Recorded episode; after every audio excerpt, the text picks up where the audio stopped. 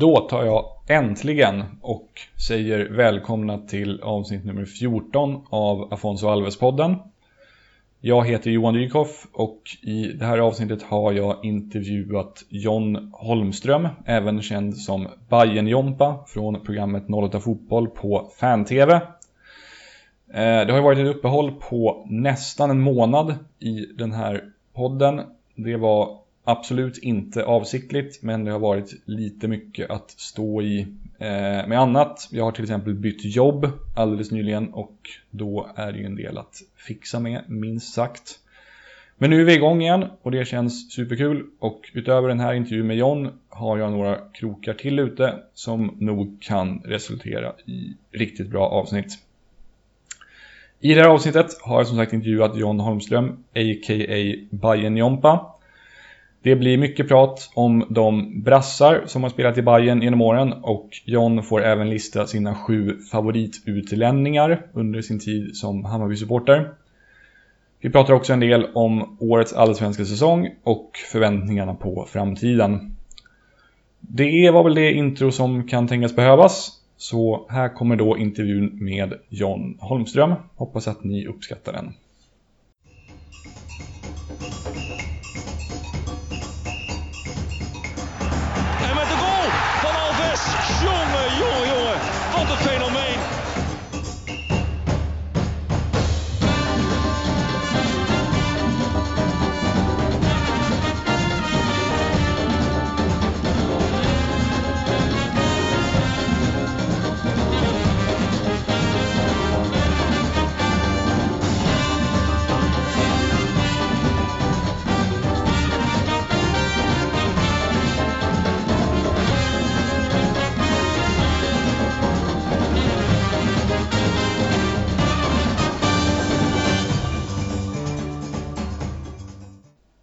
Fullständigt yes. namn börjar vi med. Eh, John eh, Christer Erik Holmström. Mm. Sitter du på balkongen eller någonting? Ja, precis. Ja, jag hörde det. Jag servering faktiskt. Så ja. Okay. på hemma. Så. ja, ja. Måsarna vill vara med. Ja, precis. eh, ålder? Eh, jag är, fyllde 48 igår. Ja, grattis. ja, tack. Jättetack. Overkligt. Eh, kommer från respektive bor i? Eh, ja, södra delen av Stockholm. Född i Hagsätra. Sen har jag bott på ja, i princip alla stationer du kan peka ut på gröna linjen och även röda linjen. De flesta. Så att överallt. Så du är ja, söder om söder kille liksom? Ja, precis. Mm. Just nu. Tillfälligt i Årsta. Ja, okej. Okay. Eh, sysselsättning? Eh, just nu, ja, jag försöker ju då slå mig fram där i mediaträsket och med fan-tv bara Bayern och sådana saker. Men det går inte att leva på så mycket så att just nu så eh, jobbar jag som merchandiser på Coca-Cola. Åker runt i butik. Mm. Eh, den kanske mest eh, givna frågan så här långt, favoritlag? Hammarby. Ja. Inga utomlands, klubbar utomlands? Nej, jag har inte lyckats fastna för någon sådär. Jag kan uppskatta att titta på en bra match liksom, i vilken liga som helst, men det är inget som jag brinner för alls i Nej. närheten. Nej. som för Hammarby. Hur mycket fotboll har du sett utomlands i dina dagar? Alltså på utomlandssemestrar och så? Um, alltså jag var ju på VM 90 och... Uh, men inte Nej, annars har jag nog inte sett någonting. Inte Hammarby-relaterat så har jag nog inte sett mycket live alls. Jag var kollat lite på Eng i, England då, då, några få matcher. Mm. Men annars inte speciellt mycket alls. Nej, okej. Okay. Det, det räcker med någon tv-match då, då liksom. Ja, okej. Okay. Eh, favoritspelare genom tiderna? En eller flera? Nu aktiva eller sådana som har lagt av? Eh, Billy Olsson har varit min stora, var min absolut första stora hjälte och det hänger väl kvar rätt bra också. Sen finns det ju tre, fyra namn till som man skulle kunna rapa sådär men jag bara säga en så blir det Billy Olsson. Mm. Ifall du måste säga någon som fortfarande spelar då? Ja, det är Rick Kennedy. Ja, jag misstänkte det. ja. Eh, någon eller några spelare som du inte gillar av någon anledning? I andra lag då? Det kan vara i Bayern också, men eh, ja, det kanske blir mer intressant. Men säg de som dyker upp i skallen. Ja, oh, herregud. Det finns ju ett gäng gnagare som hatar över allt annat. Och sådär. menar, Krill Lundin och Daniel Hoch som avslutade Eskils karriär och några sådana här riktiga svin. Mm. Men eh, nej, det är roligare att fokusera på uh, de bra grejerna. Men det är klart, det, det, är kul att det finns de där hatobjekten också. Christian Nordin var det första namnet jag tänkte att du skulle säga faktiskt. Så där, då, då känner jag... Fan vad klyschig man är. eh, då ska vi se, en företeelse inom fotbollen som du inte gillar? Eh, ja, inom, du menar spel, sporten fotboll då? Inte supportervinkel utan sporten. Ja, det, det, det kan vara det också. Ja, sporten då är det liksom att skiten ruttnar uppifrån. Fifa, Uefa och allt sånt där skit med Qatar-VM, Rysslands-VM, allt sånt där. Det är, mot, det är, på, det är riktigt, riktigt farlig företeelse som kan döda allt det som vi känner till om fotboll. Mm. Eh, för det är så stora pengar i rullning så att det kan slå ihjäl allt. Och det spiller över då på att du har klubbar som kan köpa sönder hela andra lag och sådär i okända länder bara för att det finns massa pengar. Så egentligen är det väl, är det väl eh, pengarna som är den stora boven. Det finns för mycket pengar i vissa delar av världen och vissa personers konto. Det håller på att fucka upp hela fotbollen uppifrån och ner och det kan slå ner till och med på vår nivå. Alltså, så det tycker jag är lite läskigt. Mm. Eh, på tal om modern fotboll då. Eh, målkamera eller motsvarande teknik, för eller emot? Eh, jag kan tänka mig, jag kan sträcka mig så långt som just det här med att eh, en, för tekniskt, om du kan lösa det så att du på sekunden kan se om en boll är inne eller inte. Eh, det tar jag när som helst, för den tekniken finns idag. Det ska inte vara något problem. Det är allt för många mål som har dömts bort av, av snedögda domare. Så den tekniken, den tar jag rakt upp och ner. Men jag vill, jag vill absolut inte ha någon sån här eftergranskning, videogranskning, att spelstopp alla hockeyn. Liksom. Absolut ingenting sånt. Det, det är vi långt ifrån än så länge. Det ska till en hel massa teknikförbättringar för att det ska vara på tal tycker jag. Mm. Eh, efterhandsbestraffningar av uppenbara fil filmningar, för eller emot? Eh, jag är för om det går att hitta ett bra sätt. Eh, om det är, jag skulle vilja ha en bra diskussion på rätt nivåer och med rätt folk och i rätt sammanhang. om det är ett bra sätt att bli av med filmningar så är jag absolut för det. Mm. Jag tycker det är en spännande tanke. Jag vet att man experimenterade med det i Uefa för det är kanske 8-9 år sedan nu, där jag vet att man stängde av han Eduardo, brassen i Arsenal, för mm. att sen dra tillbaka eh, avstängningen för att Arsenal blev så sura och sen sket man i hela projektet liksom. Så, eh, ah, okay. så mycket var det värt ungefär. Ja, men det, precis. Där är det ju återigen att de stora pengarna blandas i och då är det inte rättvist längre. Utan det ska ju vara en riktig rigorös utredning som förs av rätt folk på rätt nivå. Eh, och är det ett sätt att komma bort från det, ja, absolut. Då kan man köra det liksom. Men då ska det ju vara också på alla nivåer och sådär. Ja. För filmningar är ju inte roligt och det, det kanske är ett sätt liksom. Om du vet att det, finns det tv-bilder på det så kommer du bli bestraffad. Du kanske får bort det. Ja, är... jag, är positiv, jag är positiv för att utreda idén ordentligt. Ja. Eh, då ska vi se, främsta egna fotbollsmeriter? eh, ja, herregud. Eh, jag spelade lite Vårbygårds IF och Norrby SK och sådär när man var junis. Sen efter, så fort började närma sig vuxen ålder så har det bara varit Korpen. Mm. Eh, ifall man skulle göra en sån här highlight reel för att lägga upp på Youtube av dig som spelare, vad skulle den innehålla mycket av, tror du? ja, jag var ju slips för det mesta eh, och petade ju Mange Hedman i vårt gårdslag som vi växte upp där, eller petade och petade. Ja, han ville ju hellre spela ut när han ändå alltid stod i AIK. Så att, ja. det vara det då, att, att han, han var anfallare och jag fick stå i mål istället. Okej. Okay. eh, I 08 Fotboll har du gjort dig känd för att ha en del åsikter om eh, domarinsatser. Var det likadant när du spelade eh, fotboll själv också? Att du gärna sa vad du tyckte i domarna?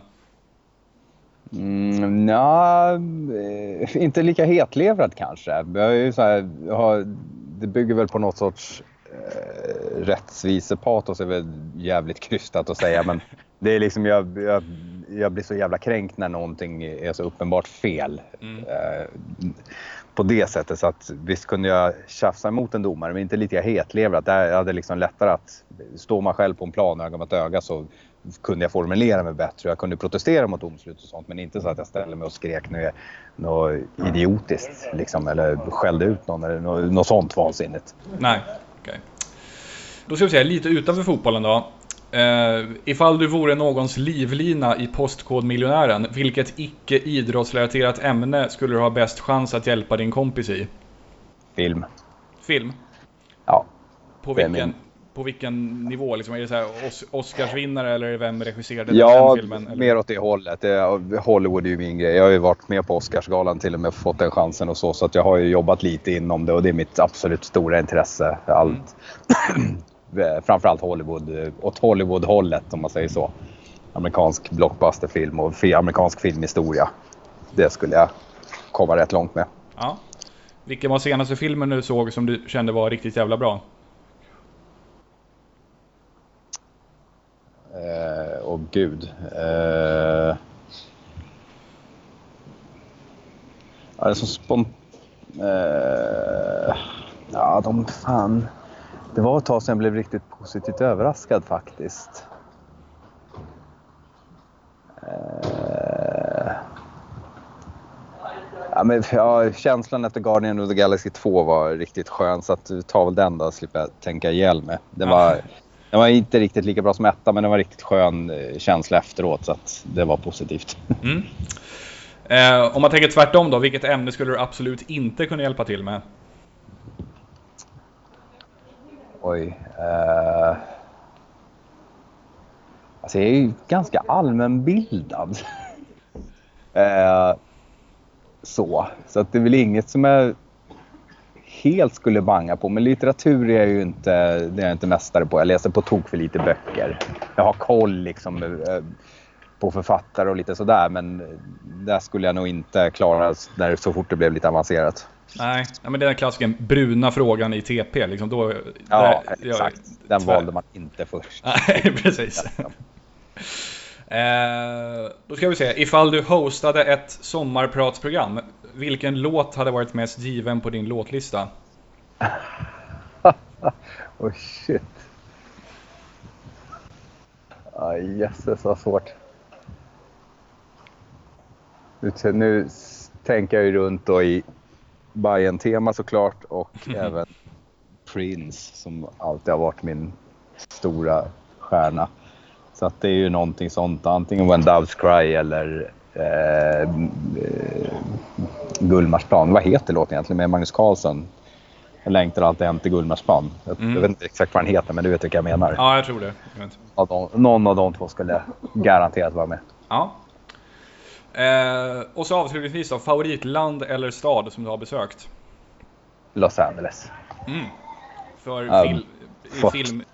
Det har ju mycket med det att göra, men jag har lärt mig att älska staden också. Jag har varit där flera gånger. För, ja, dels har jag varit där med Hammarbys träningsläger när jag fick chansen att bevaka det tre gånger på raken. Mm. Eh, så att jag har verkligen lärt mig att älska staden. Jag har fått chansen att bo där vid några tillfällen också. Så att det, där, jag, där känner jag mig riktigt, riktigt hemma. Nästan som Södermalm. Ja, kul. Där har jag aldrig varit. Men det borde man väl besöka någon gång. Ja, dit får vi fan ta och åka alltså, jag svär. Ska, ja. vi, ska vi få en riktigt bra rundtur där. Mm. Men det var faktarutan det. Ja, då känner vi lite bättre som person. Så vi tar och går över till liksom hu huvuddelen av podden. Och vi börjar att prata lite grann om spelaren som den här podden är uppkallad efter, nämligen Afonso Alves. Mm. Eh, vad är din relation till Afonso Alves och hans fotbollsgärning om du skulle säga att du har någon? han hatar man ju och det gör man ju enbart därför att han var så jävla bra. Det är en sån där som man alltid hade velat haft i sitt lag. Det var eh, usch, hans ljusblå tröja sen han sprang omkring där.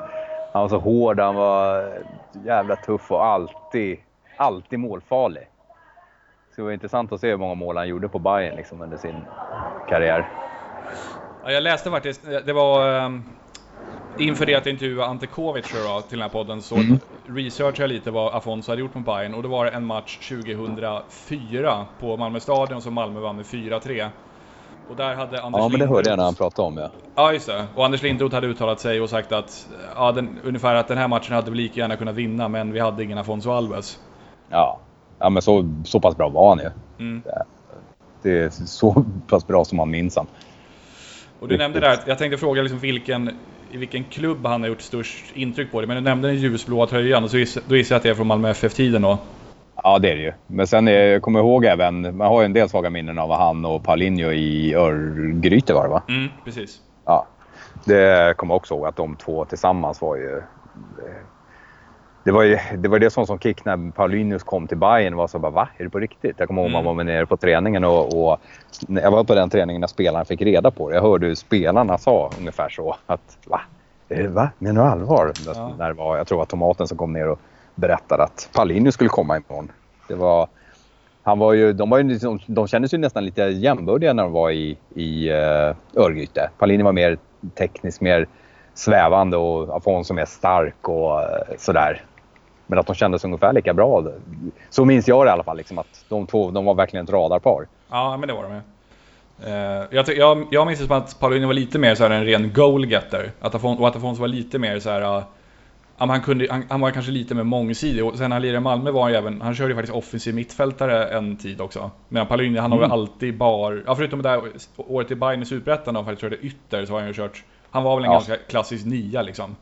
Oh ja, oh ja. Väldigt oteknisk för att vara en brasse egentligen. Mm. Eh, jag vet att det var någon gång vi skulle vara för något annat grej som vi var uppe på Årsta och skulle filma Ehm, ja, det var någon reklamgrej som jag var inblandad i för något eh, sportmärke och då skulle man bara filma lite folk som kickar boll. Och när han fick en boll och skulle joxa med den, det, var inte, det såg ut ungefär som om jag gjorde det. Han, var inte alls, han hade inte alls den tekniken. Utan det är som du säger, han var ju ren jävla målgörare. Han visste alltid vad målet var. Det var mm. alltid bara en touch eller, no, eller en två touch och så satt den. Liksom. Det var det han gjorde. Han hade, hade fan inte mycket teknik faktiskt. Nej. um, Men om man tänk, du har ju pratat en del om här, spelare i andra lag. Hur, hur pass stor koll har du på andra lag i Allsvenskan och deras spelare? Om du liksom kliver in på läktaren inför en bayern match vet du på ett ungefär vilka spelare i motståndarlaget som Bayern måste se upp med och så? Ja, jag har ju alltid koll på de stjär, alltså om det är några stjärnor, om det är de som det har varit skriverier om. Så mycket liksom hänger man ju med i sporten.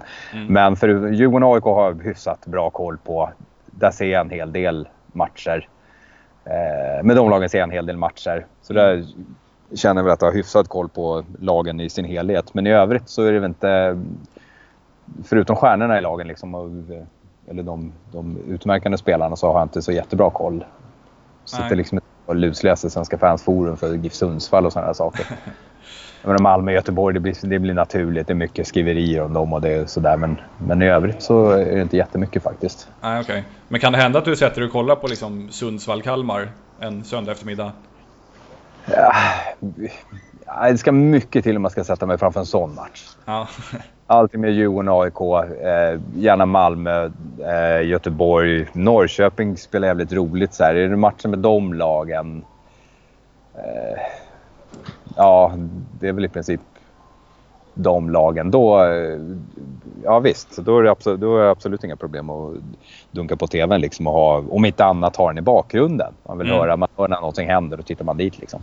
Just det. Det, uppskattar jag. På det sättet är ju Allsvenskan så otroligt, verkligen, verkligen största och det största fotbollen för mig. Det är den mm. roligaste, det är den som betyder mest. Det är inte bästa på något sätt, men det är inte det som är viktigast liksom en Champions League-match kan vara otrolig. Det kan bara kännas som plast hela skiten. Det är som att titta på en jävla FIFA, någon FIFA-turnering liksom på en dator. Så att det...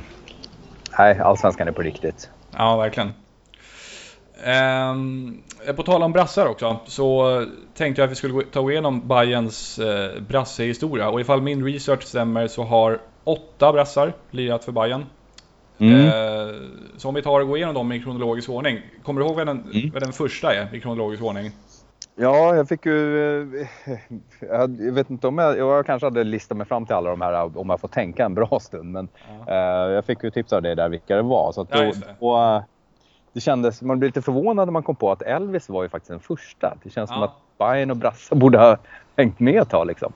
Men han var ju faktiskt den första. 2002 va? Jag tror det till och med var 2003 Ja, den 2002 eller 2003. Jag har för mig att det var 2003, ja. jag ska inte svära på. Men där i krokarna var det i alla fall. Ja. Sen kom minst... åt Koppel där efter det då, men han var ju i alla fall den första. Ja. Gjorde inget superavtryck eh, direkt va? Nej, det kan kännas lite konstigt att han var ju väldigt uppmärksam när han kom. Han var ju, det var ju reportage, det var ju mycket för namnet och att det var en brasse och han var så otroligt liten men var ju ganska teknisk. Men det är ju bara att titta på hans karriär att Hammarby var väl den lilla tiden han fick i Hammarby, det var väl den bästa klubb han var i. Sen var det ju Östersund i ettan och det var ju lite andra svenska klubbar på dekis. Precis, och assyriska och allt vad Jag tror faktiskt ja. att han bor i Sverige fortfarande.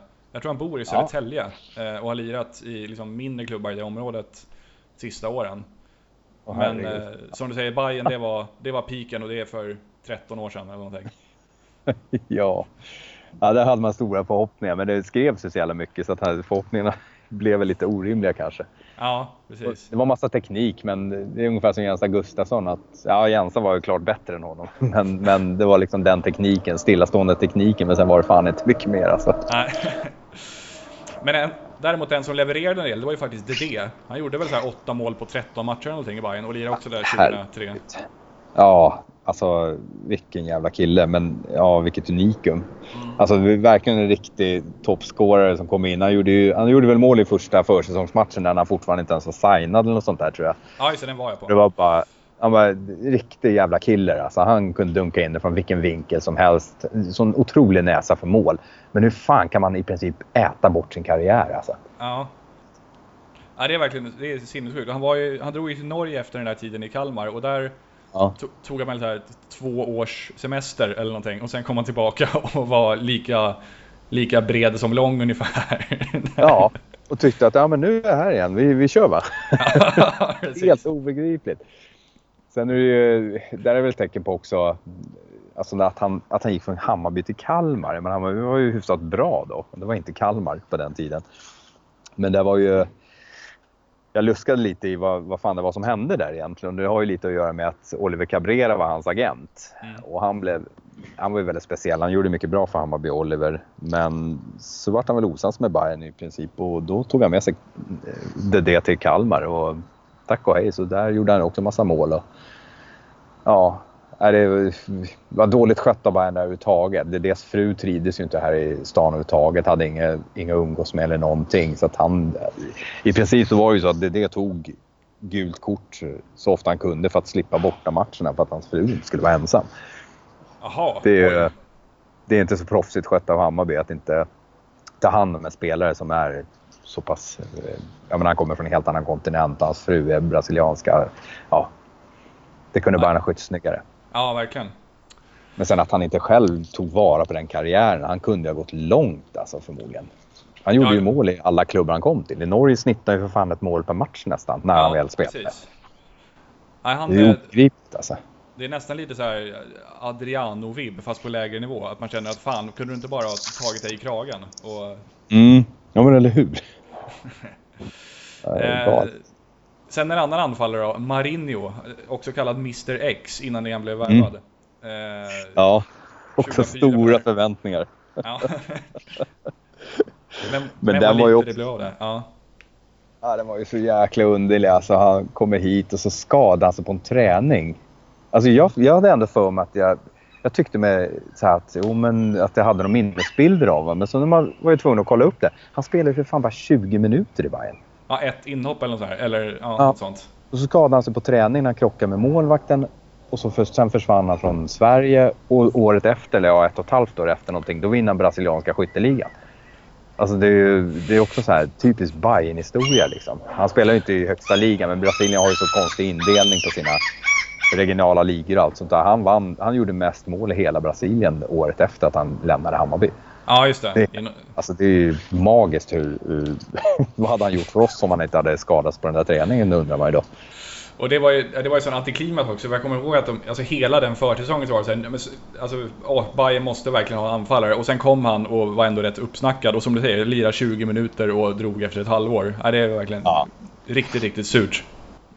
Ja, det undrar om det var första gången det snackades om Mr X, för det var ju sånt jäkla tjat då alltså. Det, ja. Nej, usch. Och sen har vi då Paulinho som vi redan varit inne på. Mm. som sagt, en jävla goalgetter, men som fick en lite, ja, lite trist avslutning där när 2011 blev placerad på en kant när vi var nere i Superettan. Ja, ehm. jättejobbig hans sista tid tillsammans med Runström kan man väl egentligen säga att den blev mm. så så jäkla tråkig. Helt obegripligt hur man kan sätta honom på kant. Som sagt var, han hade inte teknik, han hade ingen ryck eller något sånt där. Utan han var bara en otrolig näsa för mål. Han satte fram foten när de, och, eller skallen när, de perfekta, när det kom ett bra inlägg. Det var det han kunde. Han kunde ja. dra en kille i målområdet eller i straffpunkten ungefär. I en snabb förflyttning i sidled och sen satte han där. Men att sätta honom på kant, fullständigt obegripligt alltså att, de, att han gjorde så. Nej, för det, det, hade ju inte varit någon låg, eller ingen högoddsare att en Paulinho i okej okay form hade typ vunnit Superettans skytteliga. Nej, nej, nej. Alltså det var ju, det, det, har jag blivit hånad för så mycket att jag inför den säsongen när vi då fick både Rune och Paulinho så sa jag att det här är ju Sveriges bästa anfallspar. Och jag baserade ju det på deras meriter och hur bra de var när de lämnade Bayern med mm. den brasklappen var såklart att vi, det är klart att man inte vet om, om de är lika bra. Men bara på meritmässigt så sa jag att vi hade där och då Sveriges bästa anfallspar. Mm. Den fick jag checka upp efteråt, men där och då så stod jag för det. För det var ju jävla vilka förhoppningar man la på dem alltså. Ja, eh. ja verkligen. Och sagt, nej, trist avslutning på två fina bayern karriärer Ja, verkligen. Nej, usch. Smärtsamt. Ja. Eh, och på tal om Superettan, eh, nedflyttningsåret där, 09, hade vi ju två brassar också. Rafael mm. och Claudio. Eh, som jag, också, jag var också på den matchen där de provspelade sig till ett kontrakt och då var de skitbra. Och sen mm. var de så... Bra samspel framförallt. De ja. liksom väggar sig fram över hela plan. Precis. Jag minns framförallt att jag blev imponerad av Claudio. Att han, han var jävligt aktiv och teknisk och liksom företagsam och sådär. Men han var ju den som faktiskt gjorde minst av de två väl i Allsvenskan. Ja, var det så? Ja, Rafael ju... gjorde nog mål i alla fall. Ja, ja precis. det var verkligen...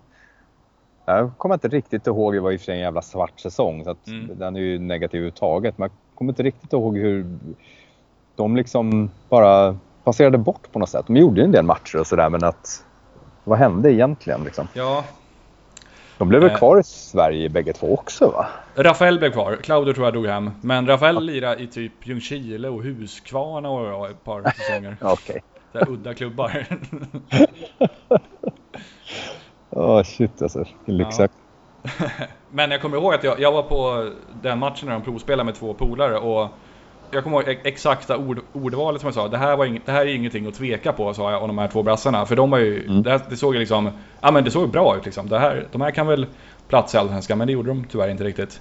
Nej, Nej verkligen som, som det blev i alla fall. Mm. Med fotboll sådär, ja herregud. Mycket psykologi, mycket vilken lagsammanhållning, vem man spelar med och allting. Och... Ja.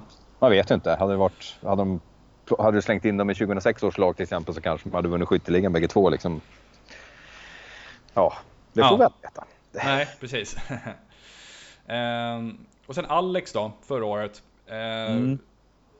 Bra början, lite sämre eh, avslutning kan man väl säga. Mm. Precis. Han hade ju en näsa för mål, det hade han ju. Mm. Ehm, inte minst derbyn liksom. Just det. no play, just win. eh, och det är synd, nu var det ju, han ville väl tydligen, det är väl i alla fall det som har sipprat ut, att han ville ha mer lön än vad Bayern var beredd att betala och då kan jag självklart tycka att det är okej, okay. Bayern ska, man ska göra rätt bedömningar och vi ska inte kasta någon fantasilärande på någon. Men det hade ju varit kul att se han lite till, alltså han och Romulo. Det tar ju alltid tid för speciellt för utomeuropeiska spelare att anpassa sig. Att han kanske hade varit en riktig stjärna i år. Det, hade, det är lite så här surt att det hade varit kul att se i alla fall. Om det hade, vad han hade kunnat åstadkomma mer. Jag tyckte alltid han kändes lite så här. Ja, han, han hade säkert vunnit skytteligan i Superettan, men jag vet inte fan om han har liksom 15 mål i sig i Allsvenskan. Nej, man vet inte det är lurig alltså. Helt plötsligt ja. gjorde han något så riktigt som såg ut som ett klassmål. Inte massa teknik eller så, men det var riktigt distinkt, eh, riktig målkänsla mål sådär. Men sen kunde han vara rätt loj i vissa matcher och knappt synas överhuvudtaget liksom. Så att, nej, jag vet inte. Det kändes i alla fall som att det var lite för snabbt avslut på den eh, Bayern-karriären. Jag ja. hade velat se mer om man säger så. Ja, men det kan jag köpa. Och sen, på tal om att inte synas i vissa matcher, men desto mer i andra. Romolo, den enda som är kvar. ja. Vil, vilken jävla profil ja. han har blivit på sitt sätt. Ja, ja precis. Verkligen. Djurgårdsdödaren. Herregud. Osannolika siffran har just mot Djurgården alltså. Eh, och där, Ja, det är svårt att inte tycka om honom. Alltså, det är ju en fantastiskt god kille på alla sätt och sådär. Men sen där också att det, vissa matcher springer han mest omkring och snubblar känns det som. Mm.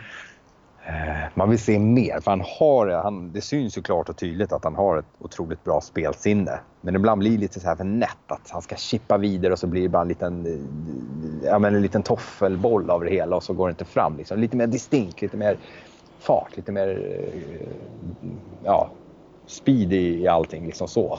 så tror jag, för spelsinnet har han. Liksom.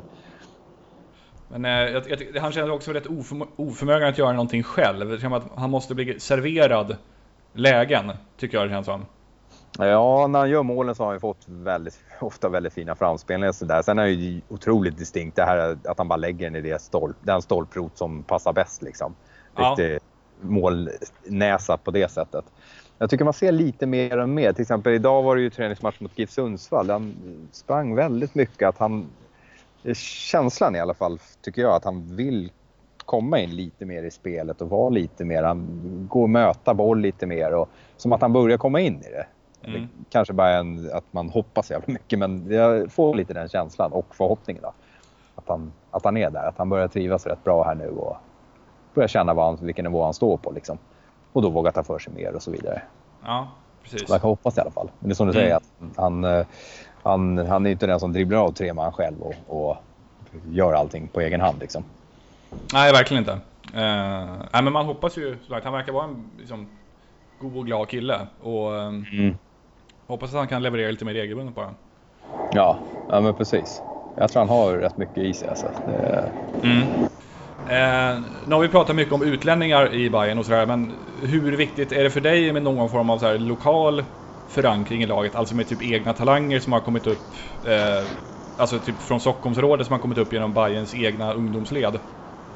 Mm, men det, som supporter så är det, det är ju jätteviktigt. Det är mycket prestige i det och det är, det är sådana killar man vill ha som man följer som kanske har själv stått på läktaren ett par gånger och sådär när de inte har spelat och sånt. Liksom, det är jätteviktigt. Man vet att de här brassarna som kommer, de kan kyssa, eller brassar, inte bara brassar såklart, men utländska spelare som kommer, de kan kyssa klubbmärken hur mycket de vill och så, men att det, det blir, de kommer aldrig någonsin komma upp i en sån Runström eller Hälla eller eh, Sula-nivå liksom.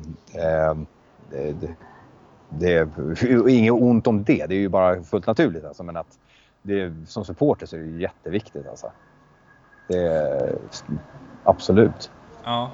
Spelar det någon roll ifall den här spelaren i fråga är från liksom Gubbängen eller eh, Årsta eller typ Barkarby, något sånt som inte är klassiskt Bajenmark?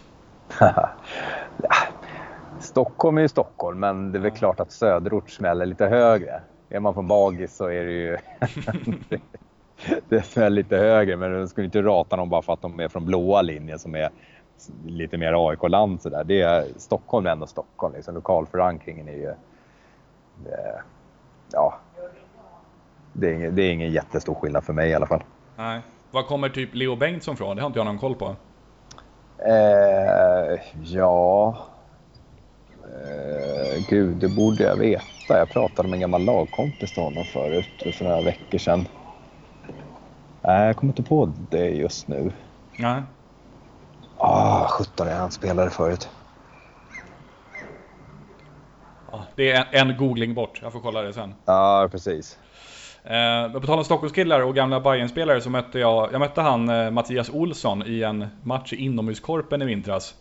Eh, han gamla ytterback. Då fick man fan veta att man levde. Alltså, han var duktig fortfarande, även fast han inte har spelat professionellt på ett tag. Nej. Spelar han någonstans nu eller? Nej, jag alltså, tror, jag, jag tror inte det. Alltså det är om man lirar division 4 eller division 5 eller någonting. Men eh, inte, ja. inte på någon högre nivå. Ah, okay. Ja, men eller hur. Det märks. Då har man spelat liksom, och åtminstone sniffat på allsvensk nivå, då, eh, då syns det. Då sitter det fan i alltså.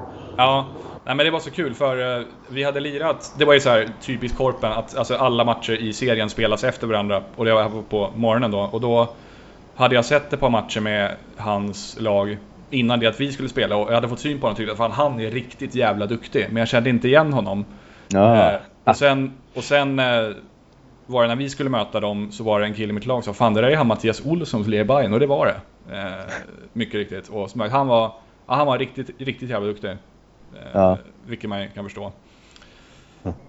Kul. Eh, sen har jag spelat med Padibba också i yngre år, när jag var typ 15-16. Jaha, nere i Brandbergen eller? eller Haninge? Nej, i uh, Enskede spelade vi i Aha. typ ett halvår. Eh, kort Okej. tag bara. Är det jämngamla eller? Ja, vi är födda 87 båda två. Ja.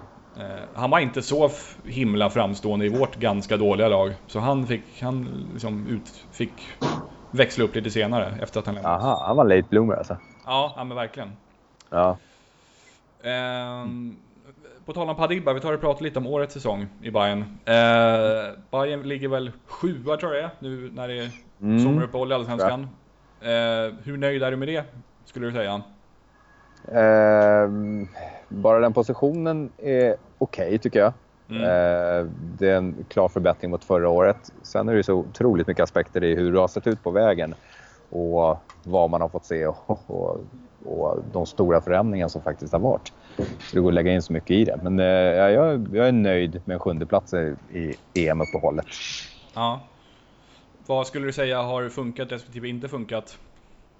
Eh, försvaret har ju varit mycket, mycket, mycket bättre förra året. Mm. Eh, det, det, det tror jag är den stora grejen i det hela. För att vi har ju inte riktigt... Eh, våran Mourinho har ju safeat ganska väl här nu under våren. Det har varit mest eh, långa bollar fotboll framåt. Eh, och ändå gjort hy- hyfsat tillräckligt mycket må, många mål som man egentligen kan kräva. Eh, men försvaret är ju det är ju den stora grejen. Att Ado och Magyar framförallt då har verkligen fått ihop ett samspel som är helt gudabenådat och sen kommer Marcus och, och kliver in som om hon aldrig gjort någonting annat. Liksom. Mm. Och, Och, att vi har ytter, ytterbackarna levererar liksom, som man kan förvänta. ja, och Magyar som var den som var villig att ge bort i vintras. Det Ja, jag, hade verkligen for, jag, fortfarande, jag hängde inte med i den kritiken som var förra året. Jag, jag såg det mer som att vårt försvar det var en hönsgård. Det var en total jävla hönsgård. AIK 03 är ju typexempel på det. Mm. Eh, Magyar en mot den. Kom, han fick han en kille emot sig. Det var väldigt sällan han släppte någon förbi sig. Han vann ofta nickdueller, allting sånt. Men det försvann ju när, när, när det då kommer sådana situationer som att eh, Ofori bara marscherar igenom för ingen av backarna vet vem som ska ta honom och sådana grejer. Liksom. Det, var, Ja, det, det. var en, han, det, var, det var samspelet som var som otrolig hönsgård förra året. Ingen visste vad den andra skulle göra så att vi kunde släppa in mål mot precis vem som helst. Mm. Ja, det var riktigt soppa det där. Ja. Eh, vilka förhoppningar har du på sommarens transferfönster, både på in och utsidan? Ja men alltså med Triple J här så känns det riktigt jävla skönt. Riktigt skönt alltså. Det, jag, jag, tror, jag tror han och Jakob kommer... Bara ge dem nu tid så, som man alltid ska göra och ha tålamod och sådär. Så tror jag det kan bli riktigt bra. Han vet, han, har, han vet vad Bayern har för pengar nu, han vet vad Bayern behöver. Det, det var ju bland de första grejerna han sa att han... Ja, även fast han har varit i Danmark så har han sett att de värvningar Bayern har gjort de senaste åren, han, tyckte, han var jätteförvånad över nästan alla namnen. Bayern har inte byggt ett lag. Och det var det namnet till slut erkände också. Nej, vi har inte spelare för att spela den fotboll vi ville. Nej. Nej. fast det var ju du som köpte in dem. Liksom. Det, så att, jag tror, och det man har hört från Helsingborg, hans tid i Helsingborg, liksom allt sånt där. Jag har bara gått var, jag än, var man än lyssnar någonstans. Så att han och Jakob eh, och Jakob verkar lita på honom helt och hållet. Man hör hur, hur bra han snackar om honom. Liksom. Eh, och det finns lite pengar. Vi har inga Alexander Isak-pengar, men vi har pengar att kunna faktiskt göra lite satsningar. Och det pratas om satsningar. Det är långsiktiga satsningar. Vi, vi kommer inte komma topp tre i år kanske, med att, men det är definitivt dit vi siktar inom, under Jakobs tid. Och det, det, känns, det, känns, eh, det känns realistiskt att säga det. Vi har en stabil grund att stå på. Bayern är ett attraktivt lag. Det finns... Och Jakob, det går inte att säga ett ont ord om Jakob så här långt. Alltså, det är ett taktiskt geni som vi har fått över hit. Ja, jag håller med. Jag, på försäsongen och Svenska Cupen såg det väl lite sådär ut. Men nu, nu jag, jag tycker också det. Mycket jag- jag- frågetecken. Ja, verkligen. Och släppte in väldigt mycket mål också. Men nu, allt eftersom har det verkligen sett, det bara, nu ser det faktiskt, ja men det känns bra. Jag håller med. Ja. Vi, Ja, som sagt, ibland är det inte den roligaste fotboll sådär, men det är ändå, det, han börjar ju den ända som Nanne slutade med cynisk fotboll för att ta massa poäng och sånt. Och nu är vi där och vi är med och vi har en trygghet i det och vi kunde, alltså ja, matchen mot Malmö, mot Göteborg, mot AIK och Djurgården där, det är liksom, det är ingen som spelar skiten ur oss liksom. Vi är där. Vi är Ja. där och, och konkurrerar mot hela, varenda lag i den här serien. Ja, absolut. Och det, ja, det känns riktigt kul faktiskt. Mm. Eh, vet du vad? Jag tror jag kommit in på eh, topp 7-listan. Mm. Eh, som då är ett stående inslag som jag har i podden. Och eh, har du, jag vet inte om du lyssnat på tidigare avsnitt, men kan du gissa varför jag kör topp 7 istället för det mer vanliga topp 5 eller topp 10? Det måste ju ha med något tröjnummer på Afonso att göra eller något sånt där. Ja, det är en vanlig gissning. Men eh, han slog ju målrekord i nederländska ligan genom att göra sju mål i en match. Jaha, shit. De vann med 9-0 och han gjorde sju, sju baljor. En riktig Eh, ligamatch alltså. Ja, precis. Oj jävlar. Så eh, då tänkte jag, ja men då får det bli en topp 7 i den Ja. podden. Så alla gäster får ta ut varsin topp 7-lista på ett ämne som jag bestämmer och så då valde jag favoritutlänningar i Bayern för din del Mm. under din tid Yes. som supporter. Och jag, kan, jag, jag har tagit ut vad jag tror att du kommer, eh, eller de sju som jag tror att du kommer välja, men sen kan vi stämma av ef- efteråt. Ja, det kan bli intressant. Ja, Hur länge har Så du det- gått på Bayern? jag gick på min första Bayern-match 98 eller 99 tror jag. Ja, vad bra. Då har du lite det perspektivet också. Om, ehm, ja, innan SM-guldet och sådär liksom. Ja, precis. Vet du, jag Det är ju praoade- före och efter liksom. Ja, jag praoade faktiskt hos eh, materialarbörje under guldåret. På riktigt? Ja, på riktigt. Hur fan fixar du det? Jag tror det var min morsa som, som lyckades rycka in rätt trådar liksom. Eh, så eh, jag liksom vek, vek tröjor åt liksom Andreas Bild och Micke Hellström och Vad fan. eh, Sulan och sådär. Vad i helvete. Då måste du, måste du ha fått några bra grejer också efter guldet. Ja, jag, jag fick en ehm, Jag fick en signerad Kennedy-poster fick jag. Eh, Ja. som, som tyvärr försvann när jag flyttade sista gången. Det var synd. Au. Eh, men det är sånt, det, är, det hade säkert varit värd. Jag vet inte, man kanske, nej, varför ska man sälja den för? Det hade varit dumt. Men eh, ja, det, det, fick jag i alla fall. Och det, den Ja. vårdade jag ömt tills att den försvann i flytten, som sagt. ja, shit alltså. Ja, Stort ju. ja det var kul. Det är kul minnen. Mm. Eh, men du kan, du kan rulla igång och gärna lite motivering till varje namn också. Ja, absolut. Det här var, var faktiskt jäkligt kul det här först då. För jag försökte inte liksom... Eller jag kollar ju lite så här gamla laguppställningar som får liksom bara poppa upp att är det någon namn jag missar nu? För just bara utländska spelare. Men det är väldigt mycket danskar och islänningar liksom. Mm. Eh, det här var ju riktigt kul att gå igenom. Och listan är ju då såklart inte... Bayern vi snackar om så det, det här är ju inte någon bästa topp, bästa spelare i, till utförande utan vad ska man säga, vi, mest minnesvärda för min del. Ja, det, det funkar lika bra det. Ja. Ja, det är, liksom, det är där man har levt halva sitt liv så att, på Söderstaden. Så att, eh, ja, nej, men någon som har varit med och skapat ens historia då. Mm. På sjunde plats, eh, Elgen, Vlahovic. Det var innan din tid. Men du kanske kommer ihåg det där med när, när Bayern hade måltorka på våren 94. Eh, det var så otrolig måltorka så att eh, DN gjorde om sin tävling det här första målet i Allsvenskan. De gjorde om den till första målet för Hammarby. Vem som skulle göra det. Det var åtta timmar och åtta minuter innan Bayern gjorde mål i Allsvenskan det året. Och då var det tack vare Alexander Vlahovic. Älgen, den långa, resliga juggen.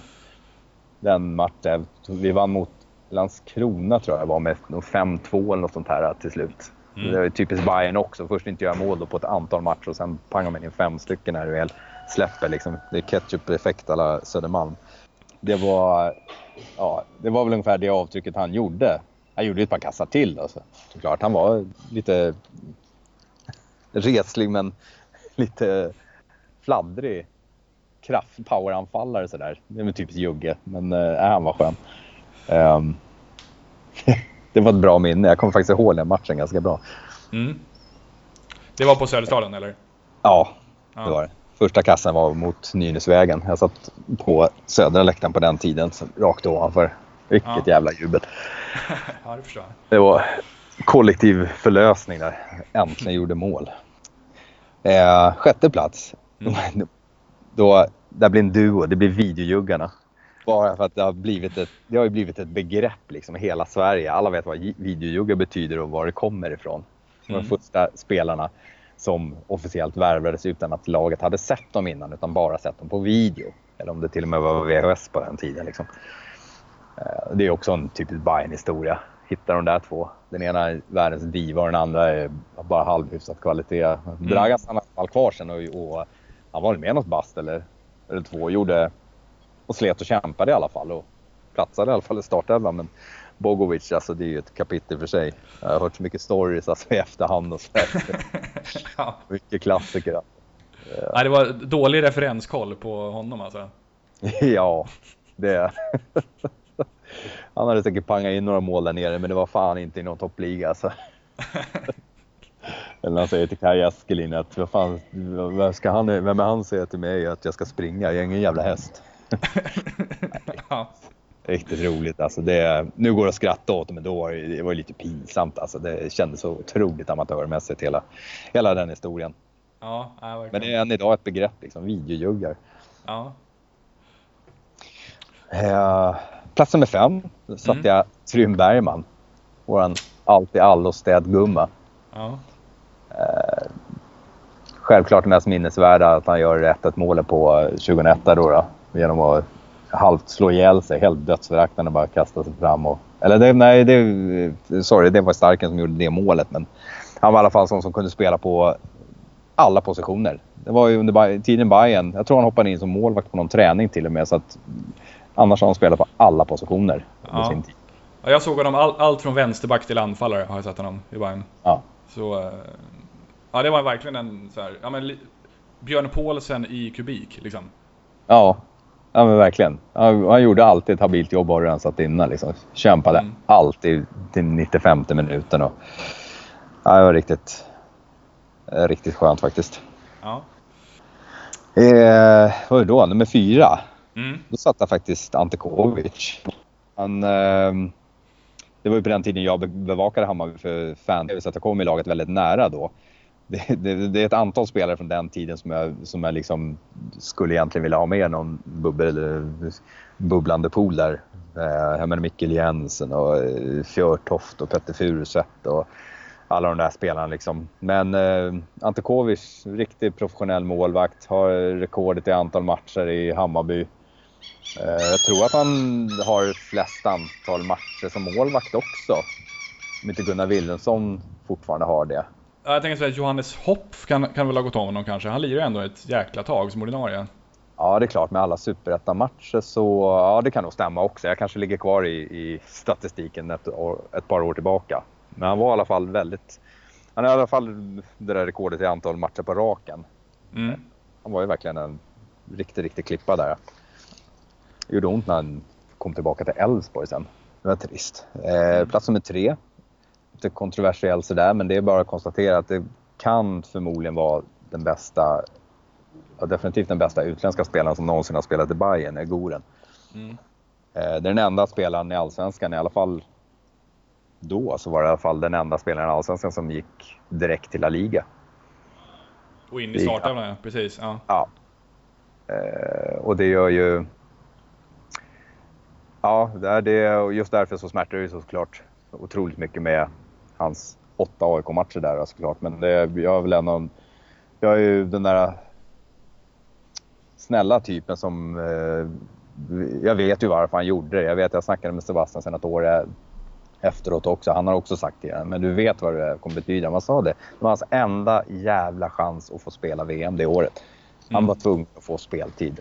Och som jag sagt till alla gnagare, det gäller de inte att höra, men de vet det precis lika väl som jag. Han hade aldrig, aldrig, aldrig gått till Gnaget om Bayern hade varit kvar i Allsvenskan. Det hade inte skett. De hade Nej. kunnat köpa hur många mattor och skit som helst bara för att knäppa Bayern på näsan. Det hade inte skett. Han gick dit därför att vi var i Superettan. Ifall han, eh, om vi leker med tanken att han skulle bli aktuell, eller hade varit aktuell för Bayern säg 2015 när de gick upp i Allsvenskan. Hade du med öppna armar tagit emot honom då till Bayern? Jag hade gjort Fan, det varit tillräckligt bra. Ja. Jag hade gjort under, ja precis, dels den aspekten då. Men han spelade ju fortfarande högsta ligan i Uruguay, liksom tillhörde landslaget för inte alls många år sedan. Mm. Eh, jag hade gjort under vissa förutsättningar. Dels såklart eh, en offentlig ursäkt och allt sånt där. Även om jag vet att han, han det är klart han ångrar sig nu som det blev liksom. Han har Hammarby i sitt hjärta eh, på alla sätt och vis. Jag hade kunnat gå med på det under vissa sådana förutsättningar. Det hade ju hängt på också att alla liksom, du får inte ha en jävla grupp på läktaren som hade ja, buat åt den eller surat på honom. Så att då, för mig är det liksom större att förlåta än att fortsätta hata. Det, mm. jag tycker man är en större människa om man klarar av det. Och jag hade klarat av det om han hade liksom återigen sagt det till oss fans in i våra ögon varför han gjorde det och bett om ursäkt för det och så. Då hade jag med största sannolikhet kunnat förlåta det. Mm. Det, är precis, alltså, det är fortfarande den här intervjun han gör när han har slagit igenom i La Liga. Han bara pratar om de grejerna. Att han vill se han vill tillbaka till Han kommer komma tillbaka till Bayern en dag för att han vill se sin son i Hammarby. Att hans son ska se honom i Hammarby-tröja. Det där var ja. Det. det kom från hjärtat. Det var på riktigt. Forza Bayern Siempre liksom. Det, för mig är det större. Det, jag vet att för vissa är det helt stängt, men det, jag tycker man är en större människa man kan förlåta. Om det är bra för Hammarby så då får man ibland svälja en jävla stolthet liksom. Ja, ja, men det var ändå ett skämt att han gick i AIK. Han spelade färre matcher än Nacka liksom, i AIK. Så att det, de buade åt han sista matchen han var med. Körde ramsor som att skicka hem Så att det var inte som att han liksom blev någon jävla AIK-ikon eller någonting. Utan han gjorde 100% av en enda jävla anledning och då måste man för fan kunna svälja liksom.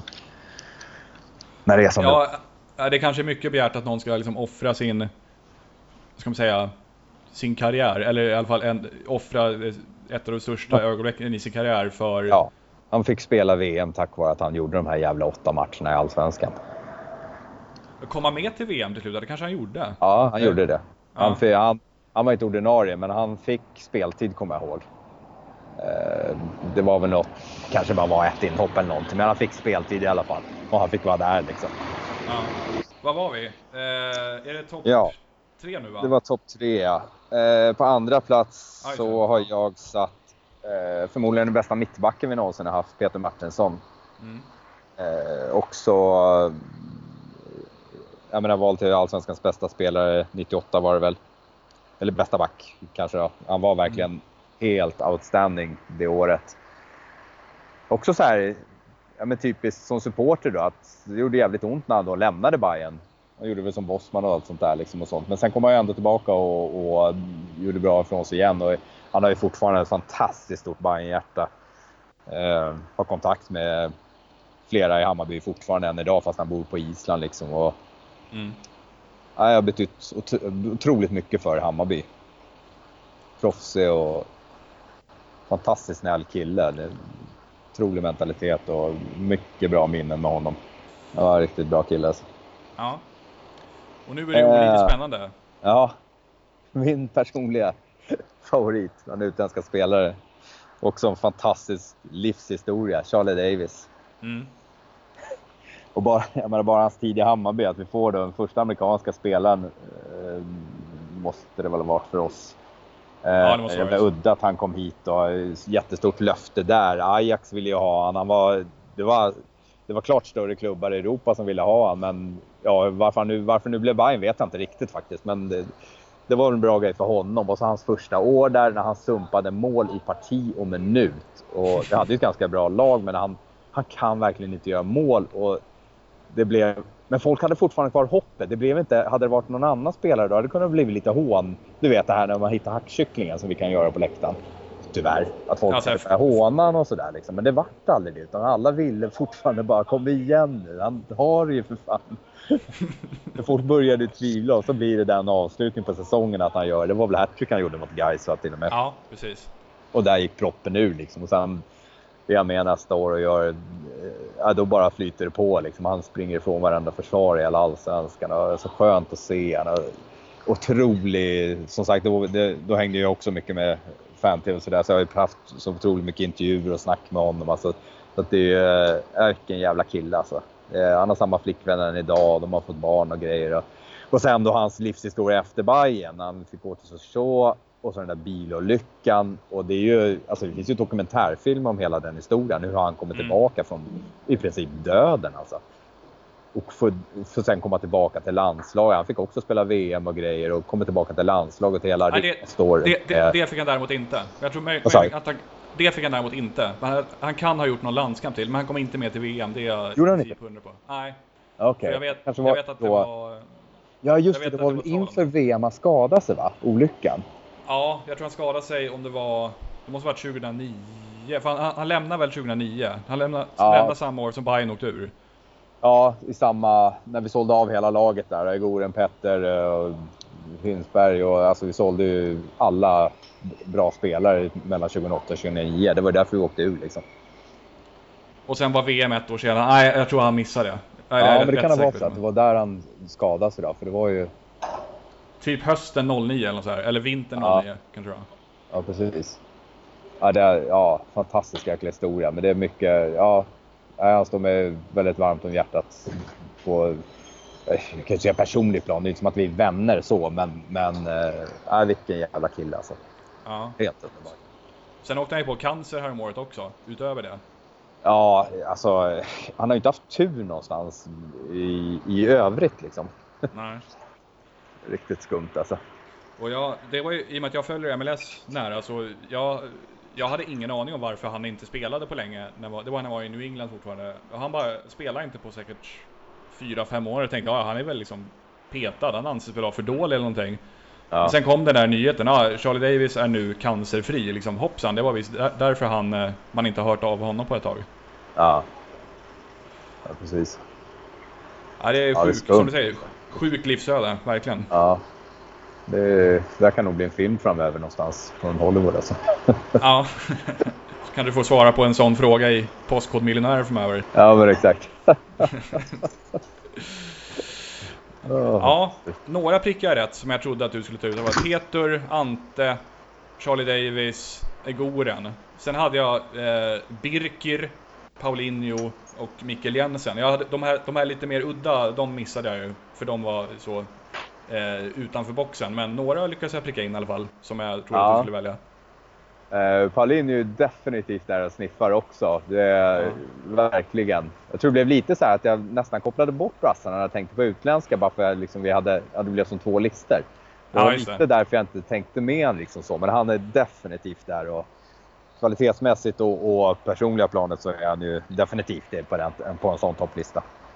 Det var kul med, mm. hans fru jobbade i Hammarby souvenirbutik och sådana saker också. Liksom. Så att det, han har ju väldigt mycket Hammarby-koppling på många andra sätt också.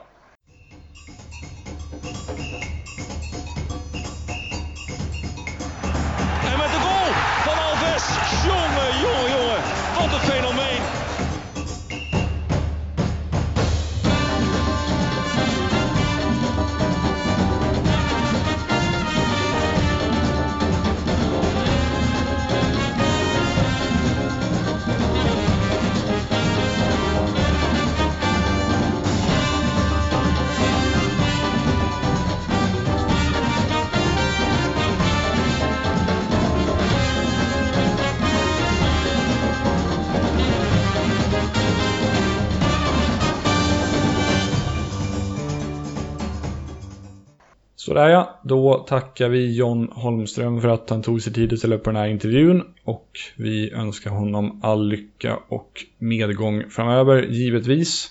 Och eftersom vi så att säga öppet delar favoritlag så skickar jag även mina lyckönskningar till Hammarby. Eh, nu var det ju så pass länge sedan förra avsnittet att jag knappt kom ihåg det senaste bettet jag la i Afonso-trippen men jag har kollat upp vad det var och det blev en knapp förlust där dessvärre. Jag hade tippat eh, att båda lagen skulle göra mål i matchen Örgryte-Värnamo. Jag hade tippat att det skulle bli under 2,5 mål i matchen AIK med FF och så tippade jag också hemmaseger och över 1,5 mål i matchen Djurgården AFC. Och det sket sig i den förstnämnda matchen, för Örgryte besegrade Värnamo med 2-0. Och Värnamo hade ju behövt göra mål där.